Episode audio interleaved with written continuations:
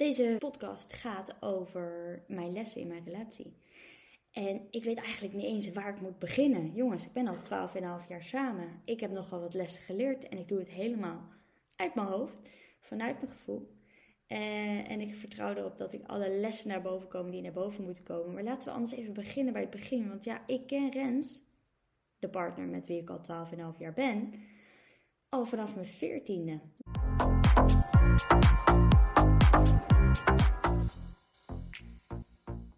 Wij hebben een verkering gehad toen we 14 waren. Ongeveer 14,5 tot 15,5, zoiets. En ik was zo verliefd. Het was de eerste jongen waar ik echt zo verliefd op was. Misschien weet je nog wel jouw eerste relatie, jongen, waar je zo verliefd op was.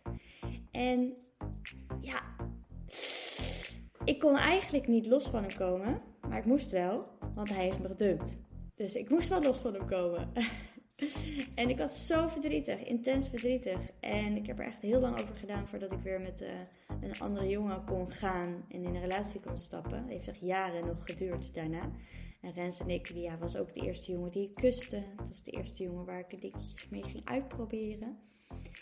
En elk jaar, als we dan jarig uh, waren, althans, uh, ik begon daar meestal mee, want Rens is 7 april jarig en ik 9 april.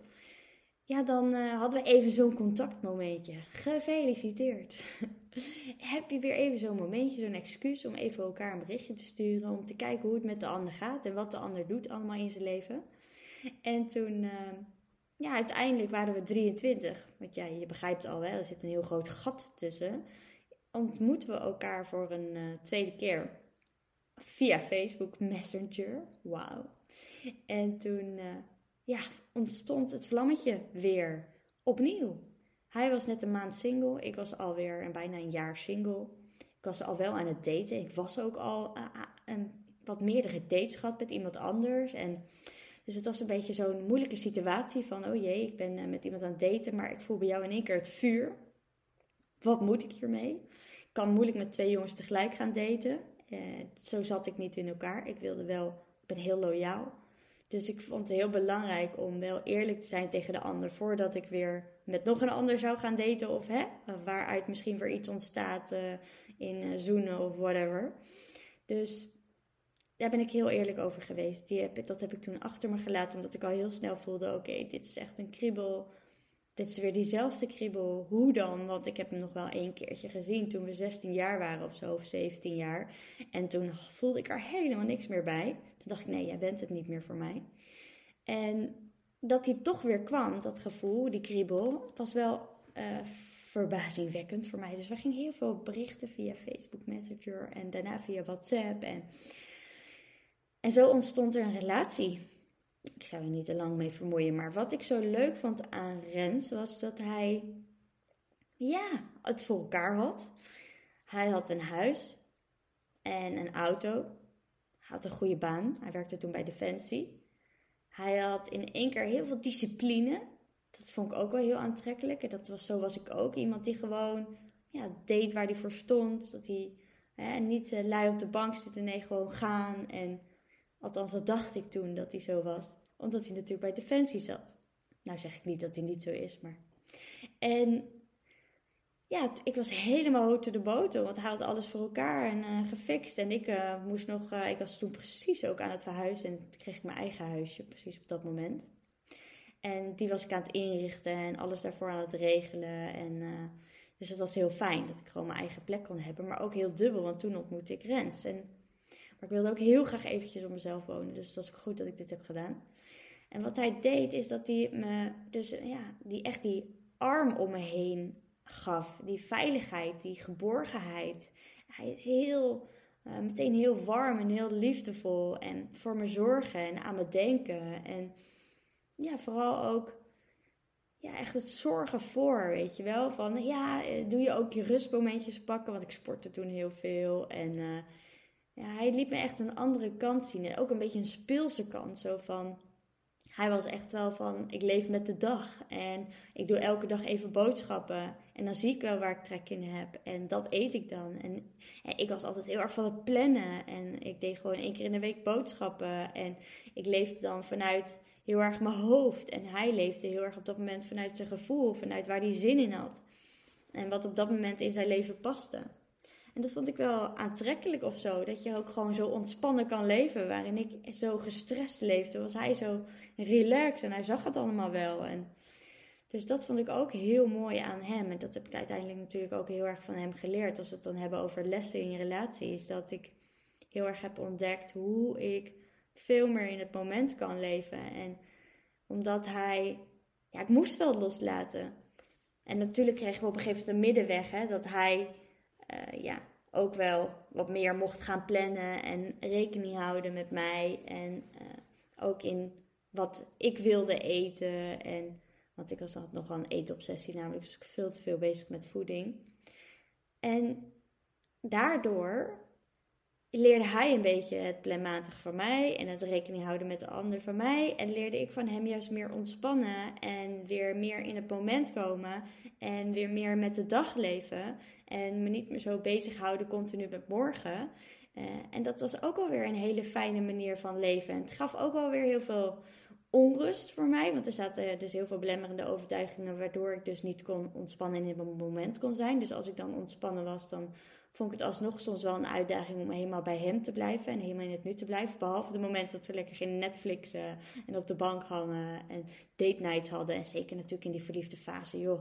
Dan ben je helemaal niet in die onrust, dan ben je in de zevende hemel. En dan eh, ben je alleen maar leuke dingen aan het doen, aan het daten. En uh, beland je bijna elke dag in bed. En dan is het allemaal fantastisch.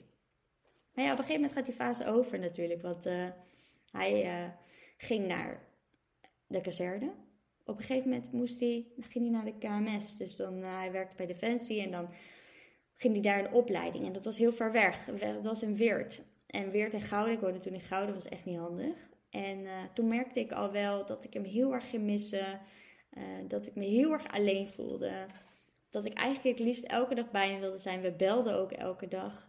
We waren heel erg op elkaar toegewezen. We waren heel veel samen, heel veel in contact. We deelden alles met elkaar. Dus dat was ergens heel erg fijn, maar we verloren ook onszelf in elkaar door alleen maar met elkaar bezig te zijn. En uh, vooral heel erg uh, ja, met hem in mijn hoofd te zijn in plaats van met mijn eigen leven en met wat ik wilde en wat ik belangrijk vond en et cetera, et cetera. Dus toen hij op de kazerne zat daar, toen uh, kwamen we er al snel achter dat, ja, dat we elkaar echt wel echt gek zijn op elkaar. Want ik kreeg pas later verkering omdat Rens een beetje moeite had om weer te verbinden met iemand, omdat hij zo gedumpt was. En toen, klinkt heel lullig, gedumpt was, maar hij heeft mij ook een keer gedumpt, dus we zijn allebei een keer gedumpt. En toen hadden we besloten na een jaar verkering dat we gingen samenwonen. Nou, je snapt me wel waar ik naartoe ga, want hè, vanaf het moment dat je gaat samenwonen, dan ga je pas echt de lessen leren. Hè? Ik bedoel, is hartstikke leuk, die datefase.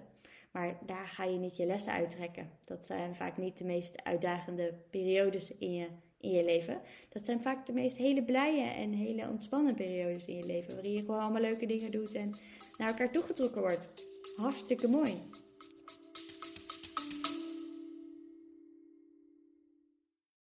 Sorry dat ik je onderbreek, maar mocht je nou tijdens het luisteren van deze podcast opmerken, is dat je zoveel erkenning ervaart en voelt dat je er wat mee wil, dat je deze kennis die je nu hoort in de praktijk wil brengen, vraag dan gewoon eens een vrijblijvend gesprek aan via www.lien-forward.nl of ga naar mijn link in bio in, op lien-forward op Instagram.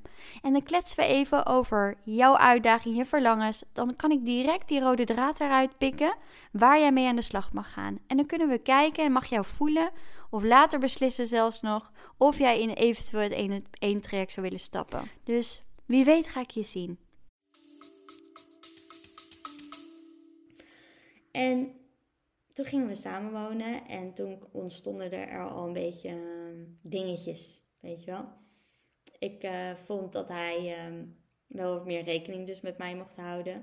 Ik vond dat hij soms wel heel makkelijk was in, in dingen, zoals uh, met de was. Of hij dacht helemaal niet na over de afwas. Ik wilde dat bijvoorbeeld meteen opgeruimd. We hadden nog geen vaatwasser, dus we moesten in het begin alles afwassen en en hij vond het dan wel gewoon goed om dat een uur later te doen. Terwijl ik wilde dat meteen en dan gaan zitten, want anders had ik geen zin meer. Dus ja, we merkten wel dat we allebei heel anders werkten daarin. Hij kon dat ook. Hij kon ook eerst een uur op zijn billen zitten en daarna denken: oh, ik ga nu toch even de afwas doen. Nou, ik zat niet zo in elkaar. Dus dan moet je in één keer heel erg gaan aanpassen aan elkaar. Uh, had ik voor mijn gevoel, hè? dat ik dat moest aanpassen aan hem of hij aan mij. Om een beetje een weg erin te vinden om gezellig samen te zijn. En het is natuurlijk niet het enige, want er is nog veel meer waar je natuurlijk in zo'n relatie tegenaan loopt. Ik moet even graven, jongens, want ik even, het is zo lang geleden. Ik weet wel dat ik het heel fijn vond dat hij zo'n klimtuigje had. En uh, dat is zo'n gordel, weet je wel, waar je mee kan klimmen, kan abseilen en zo.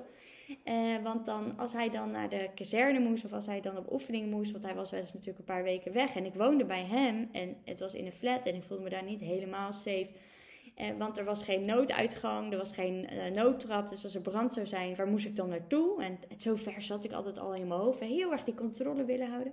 Ze had hij zo'n klimtuigje voor mij geregeld. En weet je, Rens was wel echt iemand die mij veilig hield. En ja, die, als er wat was, dan hoefde ik maar te bellen. En hij stond voor me klaar. Ik heb ook een keertje gehad. Toen was ik aan het uh, fietsen in Utrecht. En dan ging ik, want we woonden ook in Utrecht. En dan was ik weer verdwaald. Want dan ging ik bijvoorbeeld naar een cursus. En dan heb ik ook een keer echt gehad. Toen ging ik naar een internationaal bedrijf werken. Dus toen moest ik een Engelse cursus doen om mijn Engels te verbeteren. En toen was ik aan het fietsen. En toen dacht ik op een gegeven moment, was ik bij Galgenwaard. Ik weet niet of je Utrecht kent, maar daar was ik in één keer verdwaald. En ik, oh, ik wist niet meer waar ik heen moest. En uh, dan, nou ja, toen kwam Rens, de redder in nood, uh, kwam uh, naar mij toe met, wat deed hij? Met de ook fiets? Nee, met de auto volgens mij. Ja, en dan ging hij naar huis fietsen en dan ging ik met de auto naar huis. Dus op die manier zorgde hij echt heel goed voor mij. En gaf hij mij ook die veiligheid. Dus als ik ergens verdwaald was of als er ergens iets aan de hand was, mijn band was lek, dan maakte hij mijn band, weet je wel. Dus kon ik helemaal niet. Of als er iets stuk was, dan maakte hij het. Hij is heel uh, oplossingsgericht. Nou, daar kon ik ook nog wel wat van leren, want ik was niet zo oplossingsgericht. En dat heb ik dus ook heel erg in de loop van de tijd ontwikkeld, omdat ik hem dat heb zien doen. En ik kon dan natuurlijk afhankelijk blijven van, van Rens en over van hoe, hoe, dingen, hoe hij het doet. Maar daar leer ik verder niks van. Dat maakt me alleen maar weer, hè, als hij dan niet thuis is of als hij dan met vrienden is en iets gaat kapot en ik heb hem nodig, is dat heel frustrerend op het moment dat je dan moet wachten op je partner tot hij thuis is, dat hij iets fixt voor jou, terwijl jij het ook zelf kan leren en kan doen. Dus dat heeft mij daarin, in die zin, en ze was heel zelfstandig daarin en zo. Die, die kon dat stukje heel goed. En ik kon weer het stukje plannen natuurlijk heel goed. Dus daarin vulden we elkaar heel erg aan. Tot op het moment dat ik te veel bezig was met de planning. Uh, juist alles organiseerde voor ons, voor dates en et cetera. En dat hij alles fixte voor ons. Dat hij juist in alles oplossingsgericht was. En dat hij dat voor twee personen deed en ik voor twee personen aan het plannen was dat je dan merkt van, oh, auw, weet je, ik, ben eigenlijk, ik vind het eigenlijk ook wel leuk als jij een keertje een date organiseert en iets plant voor mij. Uh, en ik vind het eigenlijk best wel irritant dat ik me continu met twee agendas bezig moet houden. En zeker als je dan kinderen krijgt en ook alles voor de kinderen moet regelen. Dus het is wel een skill die ik heb, waar ik heel erg goed in ben. En ja, waar hij gebruik van kan maken tussen aanleidingstekens. Maar het is ook fijn als je iets samen kunt doen en daarin samen kunt komen. Dus uh, nou ja, zo, zo beetje bij beetje hebben daar heel veel over gesproken. En op een gegeven moment moest hij ook wel meer gaan plannen. Want ja, met de kinderen serieus er zoveel om rekening mee te houden. Maar meestal ben ik dan degene, dat zie je nu ook met kinderfeestjes bijvoorbeeld, die komen er binnenkort aan. Dan ben ik degene die alles plant. Dus ik heb nu alle mama's een berichtje gestuurd of ze bepaalde data willen vrijhouden. Ik heb... Uh, dat heb ik allemaal gedaan. Oh ja, ik heb allemaal tractatiedingen geregeld. Via een heel fijn iemand. Zou ik anders nog even in de, show notes zetten of in de comments. Die heeft de tractatie voor mij gefixt. Ik moet uh, 75 tractaties hebben, jongens. Voor twee kinderen. Voor afscheid kinderopvang. Twee keer voor school. Want ja, die jongens gaat nu ook naar school. Dus ik dacht, dat ga ik allemaal niet zelf doen. Dan word ik helemaal gek. Dus dat heb ik ook geregeld, gefixt. En nu heb ik allemaal dingen voor ze willen. Eentje wil iets met Sonic en de ander wil iets met uh, Pokémon. Dus dan een vlaggenlijntjes en dingetjes en datjes allemaal geregeld. Heb ik gisteren toevallig allemaal even besteld. En Renze heeft eigenlijk nog vrij weinig gedaan. Ik heb nu wat cadeautjes uitgezocht. Uh, wat ze willen heb ik ook met ze overlegd met de jongens. Voor ons in ieder geval. En nu ga ik het meer loslaten, stap voor stap. En nu zeg ik ook tegen Rens, oké, dit is nu wat ik, en, wat ik heb gedaan. En als jij nu dat en dat en dat en dat zou willen doen... en een beetje wil bezighouden met de invulling van het feestje... dan doen we het ook echt samen. En het is nu eenmaal mijn skill. Ik ben nu eenmaal hier heel goed in. Maar het is niet aan mij om alles te doen. Ik bedoel, hij mag ook dingen ondernemen, doen, plannen, regelen. Maar het is wel ook om daarin dan te kijken, oké, omdat dit nu iets is waar ik heel goed in ben en hij wat minder goed in is, is het aan mij om het wel te overleggen met hem. Want als ik het niet overleg, dan doet hij het niet. Dus het is belangrijk dat ik daarin mijn verantwoordelijkheid draag en zeg: Oké, ik heb nu dit gedaan en nu voelt het voor mij wel even van: het is even genoeg zo. Uh, of gisteravond zei Rens nog: van ja, nu zit jij weer, waar ben jij mee bezig? Nu moet ik weer uh, de boel opruimen, terwijl hij al met de kinderen bezig was geweest of zo na het eten. En zeg ja, maar ik wil ook wel opruimen. Maar dit, dit, dit, dit, dit, dit dit voor het feestje is ook heel belangrijk. En daar ben ik nu mee bezig. En toen zegt hij, oh oké, oké, dan zal ik wel even opruimen. Dus het is zo belangrijk om dit met elkaar te blijven communiceren. Wat jij doet en wat de ander doet. En ook als jij ook heel erg bijvoorbeeld uh, skills hebt met plannen en organiseren, et cetera. Dat je dan bij stil blijft staan. Dat als de ander daar wat minder goed in is, dat hij dat wel kan ontwikkelen en dat je hem ermee zou helpen en ook jezelf ermee zou helpen. Als je dingen ook uit handen durft te geven, want daar zit het hem vaak in, hè? het controle dingetje. We willen het vaak niet uit handen geven. Dus ik heb hier ook mee moeten struggelen, want ja, ik hield met alles rekening. Ook s ochtends als Rens dan de kinderen naar de kinderopvang bracht bijvoorbeeld, dan zei ik, heb je dit, heb je dat, heb je zus, heb je zo. Totdat ik op een gegeven moment zei, helemaal niks meer zei. Dat ik dacht, nou, je zoekt het zelf maar uit. Je moet zelf eens over nadenken. En nu regelt hij alles. Nu, s ochtends, hoeft nergens meer aan hem te herinneren. Hij kan het ook gewoon zelf. Die mannen kunnen ook gewoon zelf plannen en organiseren. Eh, we houden ze alleen klein op het moment dat we dit bij ons houden. En het is juist de bedoeling in een relatie dat je ja, daarin speelt met elkaar. Dat je daarin gaat kijken, oké, wat kan ik van jou leren en wat kan jij van mij leren? En zo had ik natuurlijk ook dingen van hem te leren. Dat hele oplossingsgerichte bijvoorbeeld. Als er dan wat mis was met de auto, dan uh, belde ik meteen Rens op. Uh, en dan zei ik, jij moet, jij moet nu de garage bellen, want de auto is uh, dit en dit stuk, bla bla bla. Nou, ik heb het moeten leren, deze les. dit is een oplossingsgerichte stuk. Dat heb ik toen gelukkig ook kunnen moeten ontwikkelen in mijn werk. Dus daar was ik heel erg oplossingsgericht bezig als office manager. Dus dat je continu heel assertief moet zijn en na moet denken over de volgende stap. En dus op werk had ik die skill gelukkig al ontwikkeld. Maar thuis hield ik me toch wel een beetje vast aan Rens. Zo van, oh ja, is wel makkelijk, weet je. Kan continu naar Rens terug, weet je. Rens, die kan het wel even regelen. Dat stuk dan weer regelen of oplossen. Of als er iets stuk is of als iets... Nou, zo ben ik een keertje in de busluis gereden. Ja, ik heb daar ook een podcast over opgenomen. en ik, ik, dat het was donker. En Ren zat op de camping met twee jongens. Die wilden heel graag oefenen met kamperen. En ik dacht, ik heb daar geen zin. Ik heb geen zin om zo'n koud was. Het was ergens in maart geloof ik. Dus in zo'n koud tentje te slapen. En toen ben ik naar huis gereden. Nou, ik had het beter niet kunnen doen. Want ik reed dezelfde route als dat ik met de fiets had gereden. Want ik zou de volgende dag weer terugkomen. Dus ik dacht, nou dan ga ik nu met de fiets, want hij had de auto. Dan ga ik met de auto naar huis en dan kom ik de volgende ochtend weer met de auto naar jullie toe. Het was heel dichtbij namelijk. En dan kan ik weer met de fiets de volgende dag weer naar huis. Nou, dat is heel leuk bedacht. Maar ik reed de fietsroute naar huis terug. En eh, dat was een fietsroute met eh, blijkbaar dus een weg waar je helemaal niet met de auto mag rijden, waar dus een busluis was. Dus ik uh, reed daar en het was super donker. Ik kon het serieus echt niet zien. Het was, waren geen lantaarnpalen, dus ik moest het zien met mijn autolampje. En toen uh, rijden, rijden, rijden, rijden, rijden. Nou, je raadt het al. Ik schrok me rot. Nou, toen was ik in die busluis uh, beland. Nou, dat zijn dus de situaties dat ik... Help, help, je moet me redden. Je moet me helpen. Dat ik niet voor mezelf kan zorgen of zo. Dat, zijn, dat is ook iets wat ik natuurlijk heel erg... Ik zeg natuurlijk, maar wat ik heel erg heb gemist vroeger. Ik had geen vader die mij uh, hielp als er een spin in mijn kamer was. Dat deed mijn moeder allemaal, als, als het dan zo was. Hè, of ik moest het zelf regelen. En uh, ik, ik had geen vader die mij uh, ja, dingen voor mij oploste. Ik moest het allemaal zelf fixen en regelen. als klein meisje al. En mijn ouders zijn gescheiden toen ik 10, 12 was. En ja, ik had al op mijn, op mijn tiende een sleutel van het huis. En ik kookte al op mijn dertiende mijn eten. Eh, zodat ik, uh, of eigenlijk mijn veertiende, ik moet niet overdrijven. Op mijn veertiende mijn eten, want toen werkte ik al. En dan eh, moest ik om vijf uur werken. Ik maakte schoon. En dan ja, zei moeder, nou, hier heb je een briefje met uh, bloemkool moet je 20 minuten koken. De aardappels moet je, ik weet het niet eens meer hoe lang koken. Wij koken nooit aardappels, wij eten het altijd uit, stomen het in de oven. En um, het vlees moet je zo lang doen, eh, de ene kant en zo lang de andere kant. En zo ging dat dan, weet je. Je bent hartstikke jong, 14 jaar, ik wist nog helemaal niet hoe ik moest koken. Dus dan legden ze wel een briefje klaar. Maar ja, dan eh, heel erg voorgekoud allemaal. Dus, dus ik heb wel natuurlijk nagedacht over hoe ik dingen moet oplossen. Maar heel erg wel met de hulp van de stappen van mijn moeder, als het ware. En ja, mijn vader, die, ik miste denk ik ook die vaderfiguur. Die iemand die ja, is voor mij zou zorgen. En die er echt voor mij klaar staat. En die dingen ook voor mij regelt. En die dingen voor mij fixt. En dat zocht ik heel erg in Rens. En vaak zitten dingen die je zoekt in je relatie gekoppeld aan je vader. Soms ook aan je moeder hoor, maar ook aan je vader. Dat heet ook de vaderwond. Nou, en toen, een keer in die plushuis was beland, toen, ja, Rens was bij de kinderen. En Rens wilde wel het liefste natuurlijk naar mij toe komen, maar dat, uh, dat kon helemaal niet.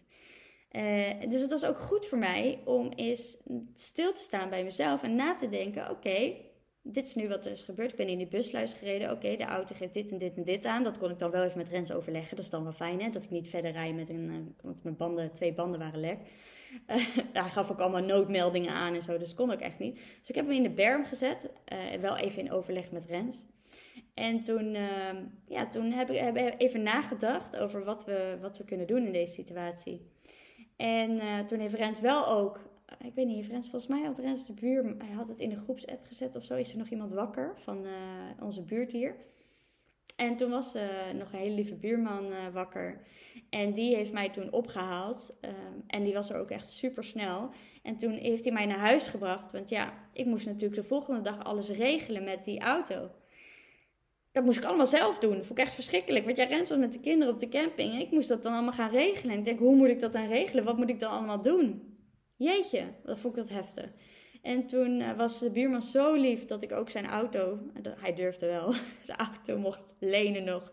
ze hebben twee auto's, een hele, oude auto. En die mocht ik dus lenen om naar mijn eigen auto toe te gaan. Waar ik dus in de bussluis ben gereden.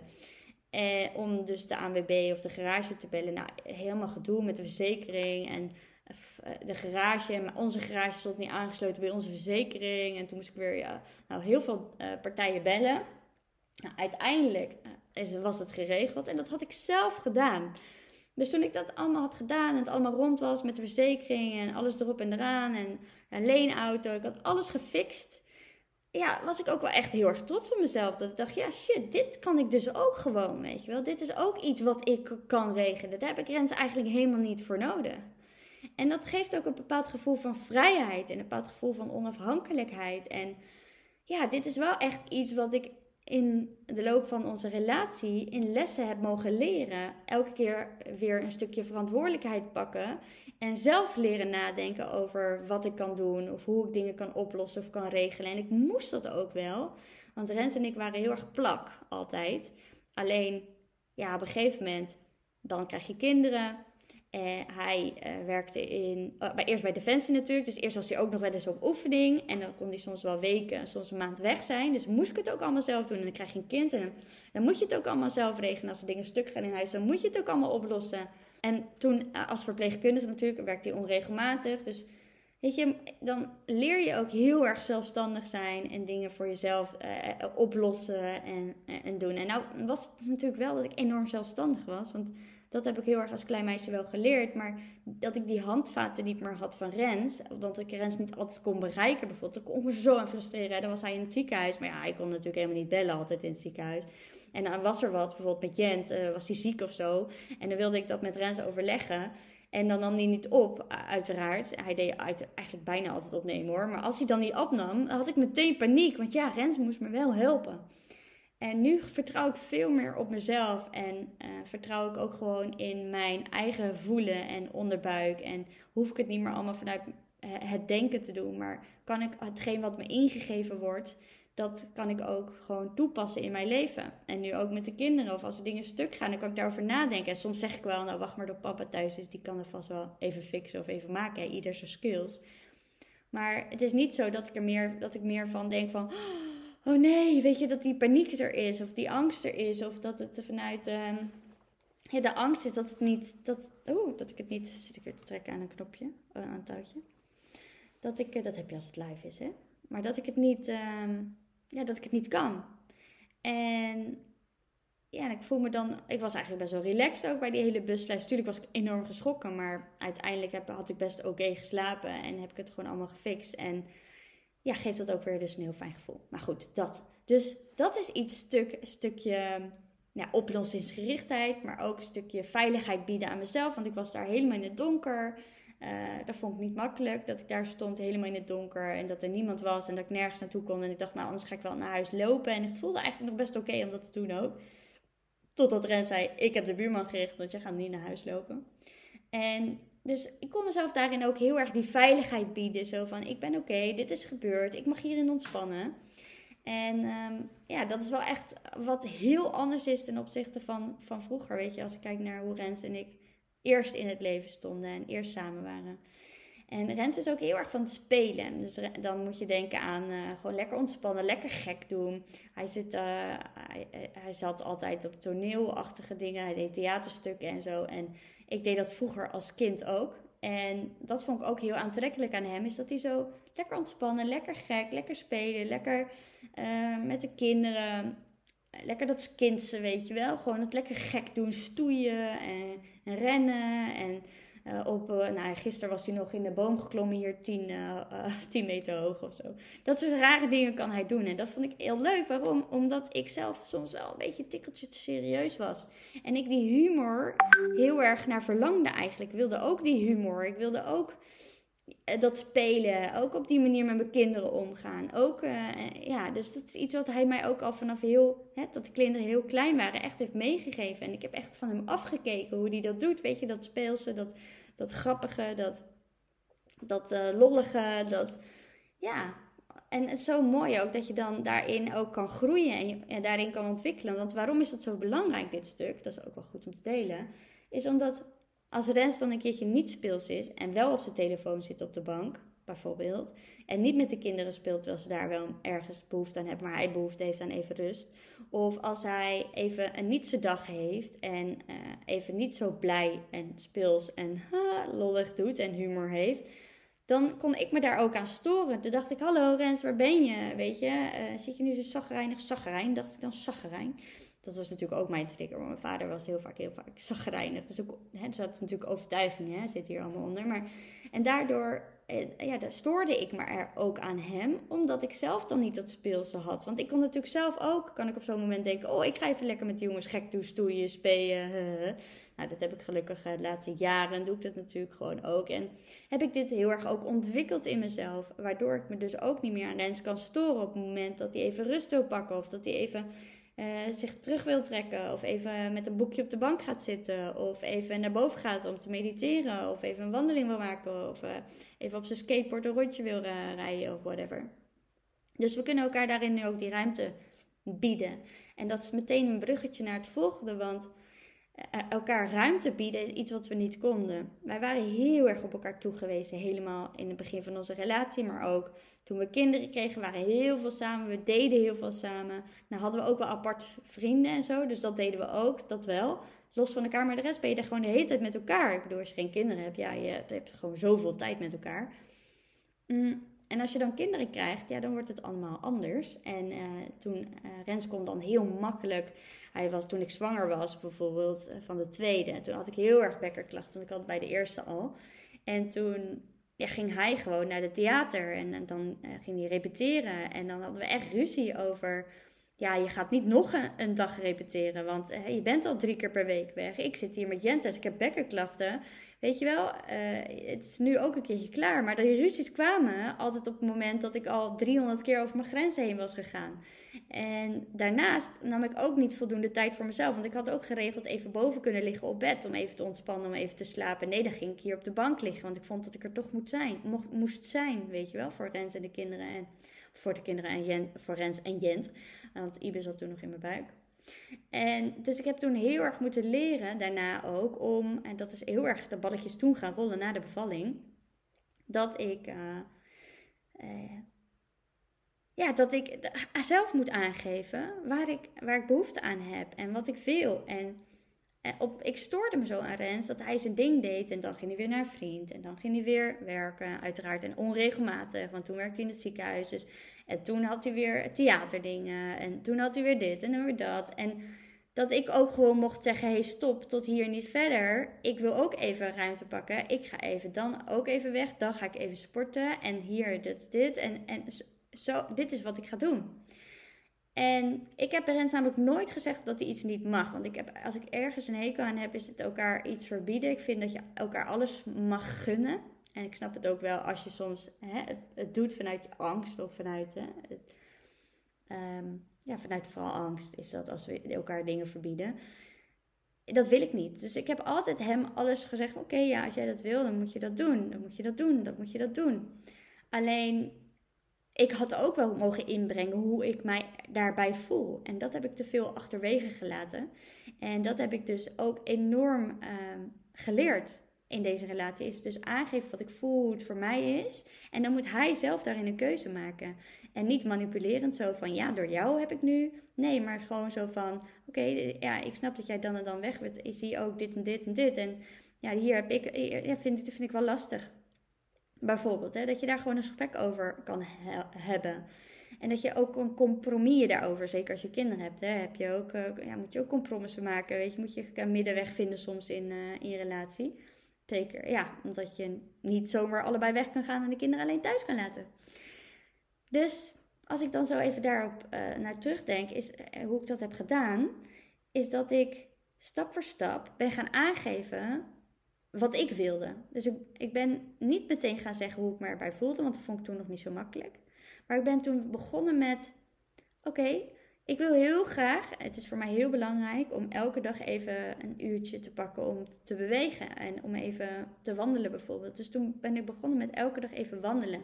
En als hij dan thuis kwam uit het werk om, om half vijf zoiets, kwart voor vijf, dan ging ik dus nog even een uurtje wandelen. En dan pakte ik even dan mijn tijd.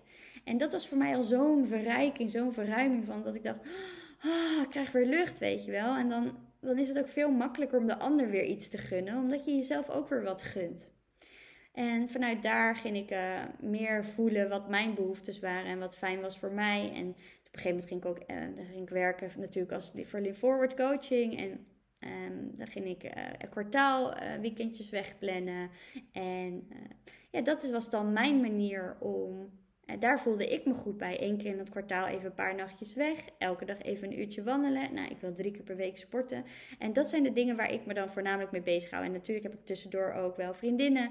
Maar de dat is de basis. En dit zijn eigenlijk mijn leefregels. En iedereen heeft zo zijn leefregels. Nou, in mediteren heb ik dat ook. Hij weet dat ik soms even schrijf en mediteer. Nou, hij doet de ademen. In het, in, we hebben een ton in de tuin staan. Voor nu in de winter is dat uh, ideaal. Want die, daar zit soms zelfs een beetje ijs in, weet je wel. Daar gaat hij dan in. Ik doe dat af en toe, maar hij doet echt dagelijks. En zo hebben we allebei ons ochtendritueel. En daarin mogen we, nu zijn de kinderen natuurlijk iets ouder, dus wordt het ook iets makkelijker. Maar mogen de kinderen ook rekening mee houden. En mogen wij ook met elkaar rekening houden. En ook dat afstemmen op elkaar. Zodat we beide doen waar we behoefte aan hebben. En omdat ik op een gegeven moment heel erg ging aangeven waar ik behoefte aan had. En wat ik graag wilde doen. En daar ook best wel standvastig in kon zijn. Verloor Rens ook een beetje zijn behoefte. Uh, hij deed heel erg veel dingen op de automatische piloot, stond er niet helemaal bij stil. Dus hij moest ook daarin gaan ontdekken: oké, uh, wat is dan nu, weet je, wat zijn nu mijn leefregels? Ik moet nu even nadenken van tevoren over hoe ik het wil, in plaats van continu heel last minute, weet je wel, dingen plannen. Of, want ja, ik had ook al dingen gepland, dus hij kon niet meer uh, dingen continu last minute plannen, want eh, ja, ik had al dingen gepland dan. Dus daar, daar, dat is wel fijn, want dan zo heeft hij de skill ontwikkeld van oké, ik moet van tevoren nadenken, want anders heeft Jolien, weet je, heeft al iets gepland en kom ik niet meer in uh, zo'n situatie terecht dat ik denk, ja, ik kan, ik kan niks meer, want alles zit al, uh, of in ieder geval kan niet meer even een uurtje wandelen, of ik kan niet meer even dit, want jij bent alweer weg, weet je wel. Dus ik werd daarin ook vastgezet. En doordat ik verantwoordelijkheid kon nemen en daarvoor, en daar kon voelen wat ik wilde, uh, wat ik belangrijk vond. En ik vanuit daar ook mezelf de ruimte gaf om te voelen hoe ik het wilde en wat ik belangrijk vond. Konden we daarop afstemmen samen. Dus het is super fijn dat we daarin samen konden komen. Dus een stukje oplossingsgerichtheid, een stukje veiligheid. Wat hij, dat heb ik trouwens, dat is weer een ander stuk, maar ja, ik, ik heb altijd heel veel onveiligheid gevoeld. En ik voelde me daarom altijd heel fijn als ik met Rens was. Als ik met Rens was, als ik met Rens buiten liep, dan was ik veilig. Weet je, hoefde ik niet zo alert te zijn of om me heen te kijken. Of dan. Dus ik had heel veel overtuigingen rondom het stuk veiligheid. Over dat hè, mannen mij konden aanvallen. Of dat er in één keer. Uh, ja, ik vooral heel erg aversies gehad met mannen en mannenovertuigingen. En als ik dan op straat liep, dan was ik altijd keek heel erg om me heen. En dan was ik heel erg uh, gespannen, onbewust hè had ik niet door. Had ik heel erg druk in mijn borst. En als ik dan uh, iets hoorde, dan keek ik weer van oké, ben ik veilig? Ben jij oké? Weet je, heel alert. En met Rens, als ik met Rens was, had ik dat niet. Ze vond het zo chill altijd met hem de deur uit te gaan. Want dan uh, ben ik mega relaxed. Weet je, hij uh, draagt mij, weet je, hij beschermt mij. Maar het is ook me mega druk weer voor Rens. Hè? Want Rens, die, ja, dat past ook wel heel erg weer in zijn jeugd. Die die heeft, had ook het gevoel, ook, oh, ik moet Jolien helpen, ik moet uh, Jolien dragen. En, uh, maar het is ook een last op zijn schouders om dat voor twee personen te moeten uh, dragen, die veiligheid. Dus nu ik dit doorbroken heb, en dit heb ik stapgewijs gedaan, dit, heb ik, dit stuk heb ik grotendeels zelf doorbroken. Um, eigenlijk alles wel heb ik gedaan door middel van de work en uh, mijn eigen methode. En door ook gewoon het gedrag aan te passen van mezelf. Want ik, wat ik deed, dus de hete achterom kijken en zo. Op een gegeven moment ben ik daarmee gestopt. En ik heb daar wel eens een Insta-TV over opgenomen. Dat ik dan voelde van oké, ik ga nu stoppen. En wat gebeurt er dan nu met me? Want ik wist, ik ben veilig. Dat wist ik, het was gewoon licht. Uh, we, liepen, uh, een man of zo, of iemand liep achter mij. En ik dacht, ik ga nu stoppen en ik ga erop vertrouwen dat deze man gewoon te vertrouwen is. En dat, dat ik helemaal veilig ben, dat ik helemaal oké ben. Nou, de tranen rolden over mijn wangen toen ik dit deed. En dan doorbreek je dus een patroon dat je iets anders doet dan je deed. Normaal zou ik namelijk veel sneller doorlopen. Zou ik de hele tijd achterom kijken. Zou ik de alert blijven. Zou ik mijn oortje uitdoen. En nu bleef ik gewoon met mijn oortje in. Bleef ik gewoon zo staan. En ik, bleef, ik zei tegen mezelf: Oké, relax, ontspan, ontspan. Alles is Je bent veilig, je bent veilig, je bent veilig. Daar heb ik heel veel in getraind met je bent veilig. En toen liep die man voorbij en toen was ik nog steeds veilig. En toen ging het nog steeds, was het nog steeds oké. En ik was niet aangerand of whatever. Dus dat was heel fijn. En dit heb ik nog een keer gedaan. En nog een keer, nog een keer, nog een keer, nog een keer, nog een keer, nog een keer. Nou, toen was ik er doorheen. En, en nu voel ik me heel veilig. En nu hoef ik dat stuk niet meer te dragen. Uh, dus dat is ook heel fijn. En dat voelt ook meteen een verademing voor hem, weet je wel. Ik ben daarin niet meer afhankelijk van hem. Dus op het moment dat hij... Um, weet ik veel, als, als ik s'avonds zou willen wandelen, even een voorbeeldje, dit, is niet een voorbeeldje per se wat uh, is voorgekomen volgens mij, maar stel ik zou s'avonds willen wandelen en het is donker en Rens die zegt ik heb geen zin, dan ben ik daar ook niet over teleurgesteld, want ik heb daarin hem ook niet nodig. En op het moment dat je dat hem, de ander wel nodig hebt, dan zul je teleurgesteld zijn, want jij wil dat rondje wandelen, alleen gebruik je de ander om met jou dat rondje te gaan wandelen. Dus, dus niet per se voor de ander, maar dan doe je het omdat je de ander nodig hebt. En daar zit het hem altijd in in een relatie, is dat je, je bent komt samen en uh, de ander spiegelt iets wat je in jezelf mag ontwikkelen en andersom. En ik geloof heel erg, elke relatie heeft deze dynamiek. En dit is namelijk ontstaat uit identiteit. En als je heel erg vanuit het ego vanuit het hoofd leeft, dan kom je op die manier gewoon samen.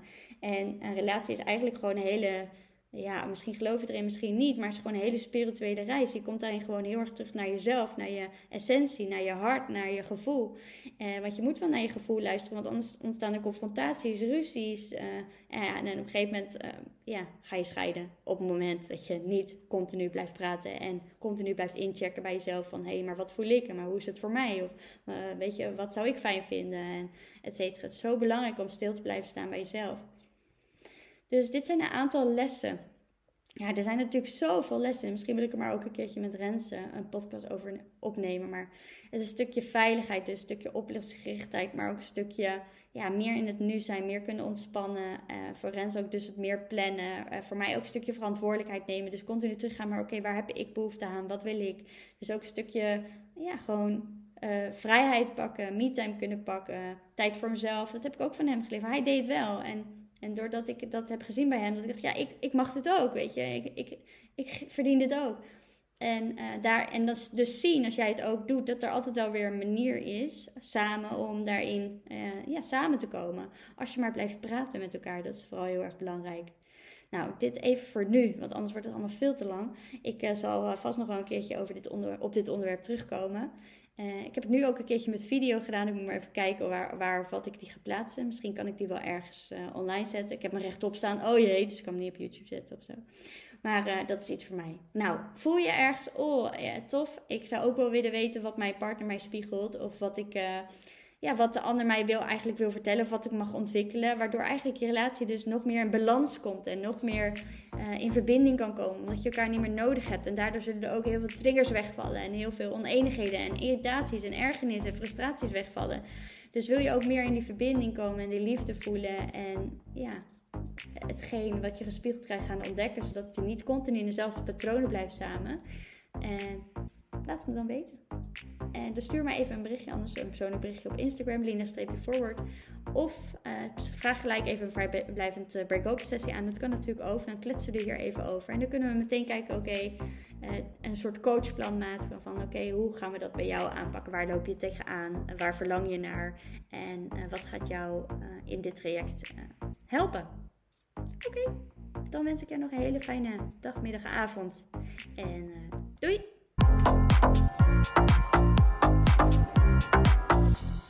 Super leuk dat je geluisterd hebt naar deze Lean Forward podcast. Mocht je voelen, ja, yeah, te gekke podcast, hier heb ik echt wat aan. Dit inspireert me.